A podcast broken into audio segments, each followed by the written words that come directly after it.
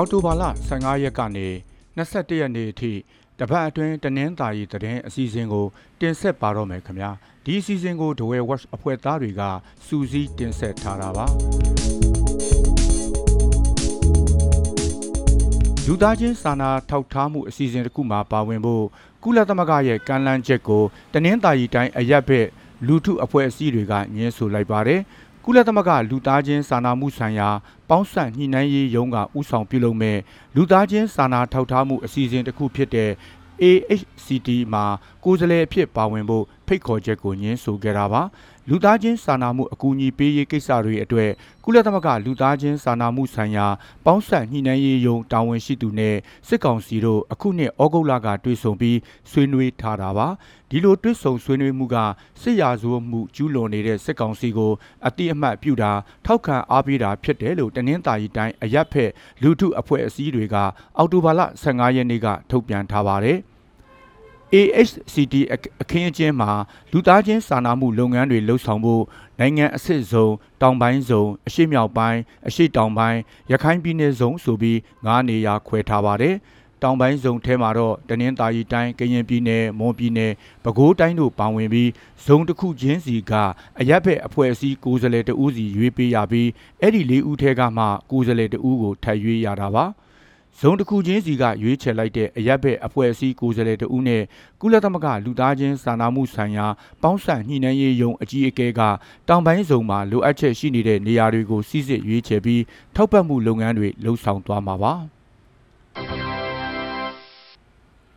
ရေဖြူမြို့နယ်တဝဲအထူးစီးပွားရေးဇုံဧရိယာမူဒူးရွာကနေအိမ်တွေကို အော်တိုဘာလ20ရက်နေ့ကမနေ့ကစပြီးစစ်ကောင်စီတပ်ကမီးရှို့ခဲ့ပါတယ်မူဒူရွာဘက်ကမိခိုးတွေထွက်နေတာတွေ့ရပြီးမဲ့မီးလောင်သွားတဲ့နေအိမ်အရေးအတွက်အတိအကျကိုတော့မသိရသေးဘူးလို့ဆိုပါတယ်။ အော်တိုဘာလ19ရက်မနေ့ကတည်းကစစ်ကောင်စီတပ်စစ်ကြောင်းဝင်နေတာကြောင့်အထူးစီးပွားရေးဇုံဧရိယာရှိမူဒူအေဂနီဝက်ချောင်းခမောင်းချောင်းစတဲ့ကြီးရွာတွေကဒေသခံတွေဟာနေအိမ်စွတ်ခွာထွက်ပြေးနေကြရပါတယ်။စစ်ကောင်စီတပ်ကရေဖြူအနောက်ဘက်ကကြီးရွာတွေကိုပြီးခဲ့တဲ့လနောက်ဆုံးအပတ်ကနေအခုလအထိတောက်လျှောက်စစ်ကြောင်းထိုးနေတာပါ။ အော်တိုဘာလ18ရက်နေ့မနက်ကလည်းတရချောင်းမြို့နယ်ရငဲရွာလေပိုင်းကနေအိမ်၃လုံးမိရှုခံလိုက်ရပါတယ်။လက်နက်ကြီးလက်နက်ငယ်ပစ်ခတ်တံတွေကြားရပြီးတဲ့နောက်မိခိုးတွေတက်လာတာကိုမြင်ရတယ်လို့ဆိုပါတယ်။ပြစ်ခတ်တာမီးလောင်တာအပါအဝင်အသေးစိတ်အခြေအနေကိုတော့ဒဝဲဝက်ကစုံစမ်းနေဆဲဖြစ်ပါတယ်။ အော်တိုဘာလ9ရက်နေ့ကလည်းရငဲကြေးရွာအုပ်စုကနေအိမ်တလုံးမိရှို့ခံလိုက်ရပါတယ်စစ်ကောင်စီတပ်ကအခုနှစ်ဇွန်လကတည်းကရငဲရွာနဲ့ကနက်တီတီရွာတွေကိုစစ်ကြောင်းထိုးပြီးရငဲရွာကမွေတောင်မှာအခြေချတပ်ဆွဲထားတာပါရန်ကုန်တဝဲလမ်းပိုင်းမှာအငှားကောင်းမောင်းသမားတဦးအဖမ်းခံရပြီးပျောက်ဆုံးနေပါတယ်။လောင်းလုံးမြို့နယ်တဘောစိတ်ရွာသားဦးကျူဝင်းသိန်းဟာအော်တိုဘာလ12ရက်နေ့ကတည်းက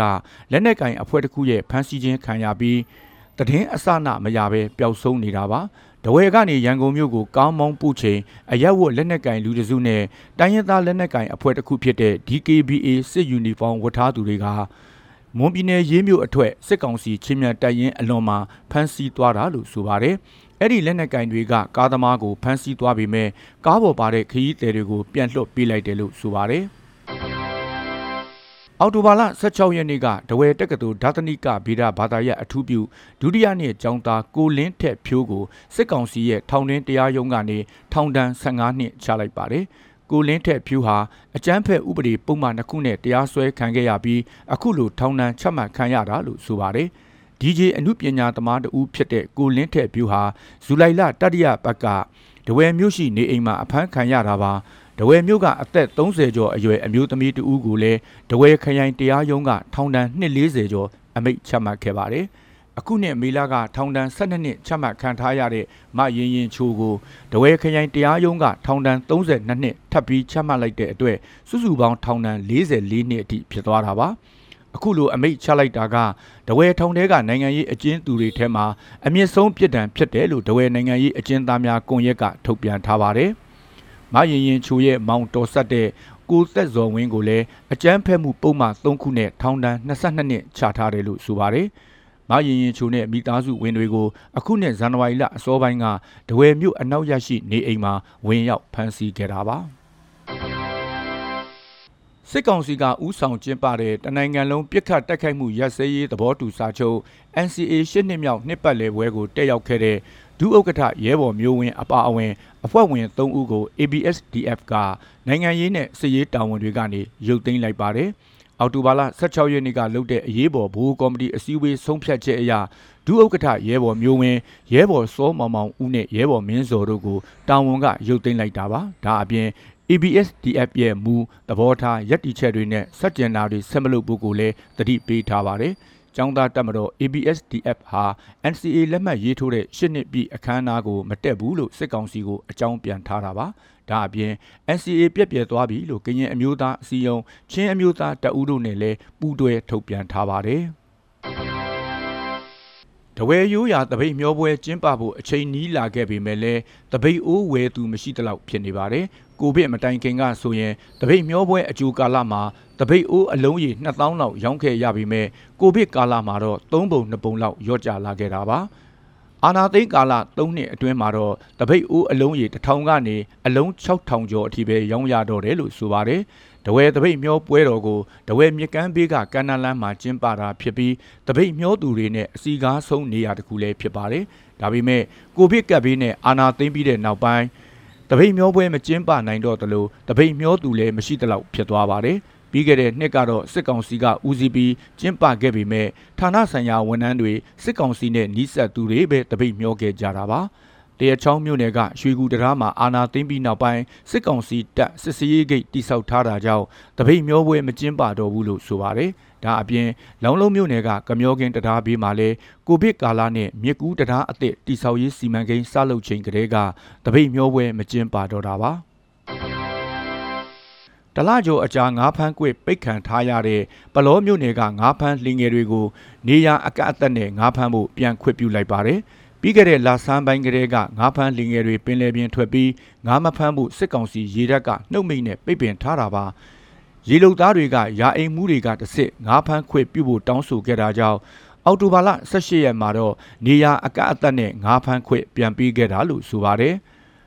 လုံးစရာကျွန်းဘက်မှာတော့ရေတပ်စစ်သင်းဘောတွေရပ်နားထားပြီးအဲ့ဒီနေရာအနီးအနားမှာငါးဖမ်းခွေမပေးဘူးလို့ဆိုပါတယ်။အခြားရွာတွေကငါးဖမ်းလေတွေပြန်ထွက်နေကြပြီမဲ့လုံးစရာကျွန်းအရှိဘက်ကလက်ကူးနဲ့ကတဲ့ကြီးရွာအုပ်စုရှိလေတွေကတော့အခုထိငါးဖမ်းမထွက်ရသေးဘူးလို့ဆိုပါတယ် ငါးဖမ်းခွေပိတ်ထားတဲ့ကာလမှာထွက်ဖမ်းတဲ့လှေတွေကိုရေတပ်စစ်သင်းဘောကတနတ်နဲ့လိုက်ပစ်တာတွေရှိတယ်လို့ဖမ်းဆီးရိုက်နဲ့ခံရတာလေးလည်းရှိပါတယ်။စစ်အုပ်ချုပ်ရေးကြီးညာထားတဲ့ပလောမျိုးနယ်ထဲကလက်ကူးကျေးရွာအုပ်စုမှာရေတပ်စစ်သင်းဘောတွေနဲ့ပြည်သူ့ကာကွယ်ရေးတပ်တို့ပြီးခဲ့တဲ့လကရက်ရှည်တိုက်ပွဲဖြစ်ပွားခဲ့ပါတယ်။လက်ရှိမှာတော့ပလောပင်လယ်ပြင်မှာရေတပ်စစ်သင်္ဘော၅စီးရှိနေပြီးငါးဖမ်းလေတွေကိုစောက်ကြည့်နေတယ်လို့ဒေသခံတွေကပြောပါတယ် ပလောမြို့နယ်ကြောက်ကာရွာကဈေးဆိုင်တွေမှာဆန်ရောင်းချခွင့်မပေးဘဲစစ်ကောင်စီတပ်ကပိတ်ပင်ထားပါတယ်။အော်တိုဘာလ12ရက်နေ့ကရမီရဖနဲ့ဈေးဆိုင်ပိုင်ရှင်တွေကိုစစ်ကောင်စီရေတပ်ကအစည်းအဝေးခေါ်ပြီးဆန်မရောင်းချဖို့နဲ့တွေ့ရင်ငွေဒဏ်အပြင်ထောင်ဒဏ်မှာချက်မှတ်ခံရမယ်ဆိုပြီးတတိပေးခဲ့တာလို့ဆိုပါတယ်။လက်ရှိမှာတော့စစ်ကောင်စီခတ်ရာအိမ်မှုတွေဦးစီးတဲ့အဖွဲ့တွေကအိမ်ထောင်စုပါလူဦးရေအတိုင်းပဲရောင်းချနေတယ်လို့ဆိုပါတယ် အခုလိုဆန်ရောင်းခွေပိတ်ထားတဲ့ကြောက်ကာရွာမှာအင်ချီတထောင်ကျော်ရှိပြီးအများစုကကန်းနီငါးဖမ်းလီလုပ်ငန်းလုပ်ကိုင်ကြတာပါအဲ့ဒီရွာတဝိုက်မှာပြည်သူ့ကာကွယ်ရေးတပ်နဲ့ပြူစောထီးတွေအပါအဝင်စစ်ကောင်စီတပ်တို့ထိတွေ့တိုက်ပွဲရှိသလိုရေတပ်စစ်သင်းဘောနဲ့လည်းပြက်ခတ်မှုတွေရှိခဲ့ပါတယ်ကြောက်ကာရွာအပြင်ပလောမြို့နယ်အရှိဖျားရွာတွေကိုလည်းဆန်စီရိတ်ခါတည်ယူခွင့်ပိတ်ထားတာအခုဆိုရင်နှစ်နှစ်နီးပါးကြာမြင့်နေပြီဖြစ်ပါတယ် မြိတ်မြို့ကတိုးချက်ဈေးလို့ခေါ်တဲ့အောင်မင်္ဂလာဈေးမှာကပိုက်နိုင်ခံရတာတွေဇက်တိုက်ဖြစ်နေပါတယ်။အရင်လကဆိုရင်ဒီလိုကပိုက်နိုင်တာနဲပေမဲ့အခုလပိုင်းထဲမှာတော့ကပိုက်နိုင်ခံရသူပုံမူများလာတယ်လို့ဆိုပါတယ်။ဒီလိုကပိုက်နိုင်ခံရတာတွေများလာတာကြောင့်တတိထားကြဖို့ဈေးထဲအော်လန်နဲ့လိုက်လံတတိပေးကြီးညာနေတာပါ။ဒါအပြင်နေအိမ်ဖောက်ထွင်းပြီးအခိုးခံရတာတွေဇက်တိုက်ဖြစ်နေပါတယ်။အခုလထဲမှာတောင်နေအိမ်ဖောက်ထွင်းခိုးယူခံရတာတွေ၄ချိန်ထက်မနည်းရှိခဲ့ပါတယ် အာနာသိမ့်ပြီးတဲ့နောက်ပိုင်းမြိတ်မြို့မှာလူရဲတာစိုက်ကယ်ခိုးခံရတာလူရဲတာစတဲ့ဒုစရိုက်မှုမျိုးစုံဖြစ်ပွားနေတာပါမြိတ်မြို့ကပေါ်တော်မူဖျားလာဖူးသူတွေစီကနေစစ်ကောင်စီတပ်ကငွေကြေးတောင်းယူနေပါတယ်။မြိတ်မြို့ကလွင်ကြေးရွာအုပ်စုရှိပေါ်တော်မူဖျားရင်မြင်ပေါ်ရှိအရက်ဝက်နဲ့တနတ်ကင်ထားတဲ့စစ်ကောင်စီတပ်သားတွေကငွေကြေးတောင်းယူနေတာလို့ဆိုပါတယ်။ အော်တိုဘာလ16ရက်နေ့မနေ့ကလည်းဖျားဖူးဖို့စိုက်ကယ်နဲ့လာချိန်ဟတ်တာစစ်ဆေးပြီးငွေကျပ်9000တောင်းယူခဲ့တယ်လို့ဆိုပါတယ်။စိုက်ကယ်နဲ့ပတ်သက်တဲ့လိုင်စင်စာအုပ်တွေပြည့်စုံနေပေမဲ့အခုလိုမျိုးငွေတောင်းတဲ့အတွက်ပါလာတဲ့ငွေကျပ်2000ကိုပေးခဲ့ရတယ်လို့ဆိုပါတယ်။ဒါအပြင်ဖျားရင်မြင်ပေါ်မှာအမှတ်တရဓာတ်ပုံရိုက်ကြသူတွေစီကလည်းဓာတ်ပုံမရိုက်ရတဲ့နေရာမှာဓာတ်ပုံရိုက်တယ်ဆိုပြီးဒဏ်ကြီးဖြစ်တဦးကိုကြက်တသိန်းအထိတောင်းခံခဲ့တယ်လို့ဆိုပါတယ်။ အခုလိုမျိုးဖျားဖူးတွေစီကနေငွေတောင်းခံနေတယ်လို့ကြားရတာ3လလောက်ရှိပြီလို့ဒေတာခန်တွေကပြောပါတယ်။ပေါ်တော်မူဖျားဟာခေါက်ကွင်းနဲ့တစ်ဆက်တစ်ဆက်တည်းရှိပြီးဖျားပေါ်မှာစစ်ကောင်စီတပ်ကလုံခြုံရေးယူထားတယ်လို့ဆိုပါတယ်။အခုလိုနားဆင်ပေးခဲ့တဲ့အတွက်ကျေးဇူးအထူးတင်ရှိပါတယ်ခင်ဗျာတောတာရှင်များကျမ်းမာချမ်းသာပြီးကပ်ဘေးအပေါင်းမှဝေးနိုင်ကြပါစေလို့ဒဝဲဝက်ဝိုင်းတော်သားများကစုမုံကောင်းတောင်းလိုက်ပါတယ်ခင်ဗျာ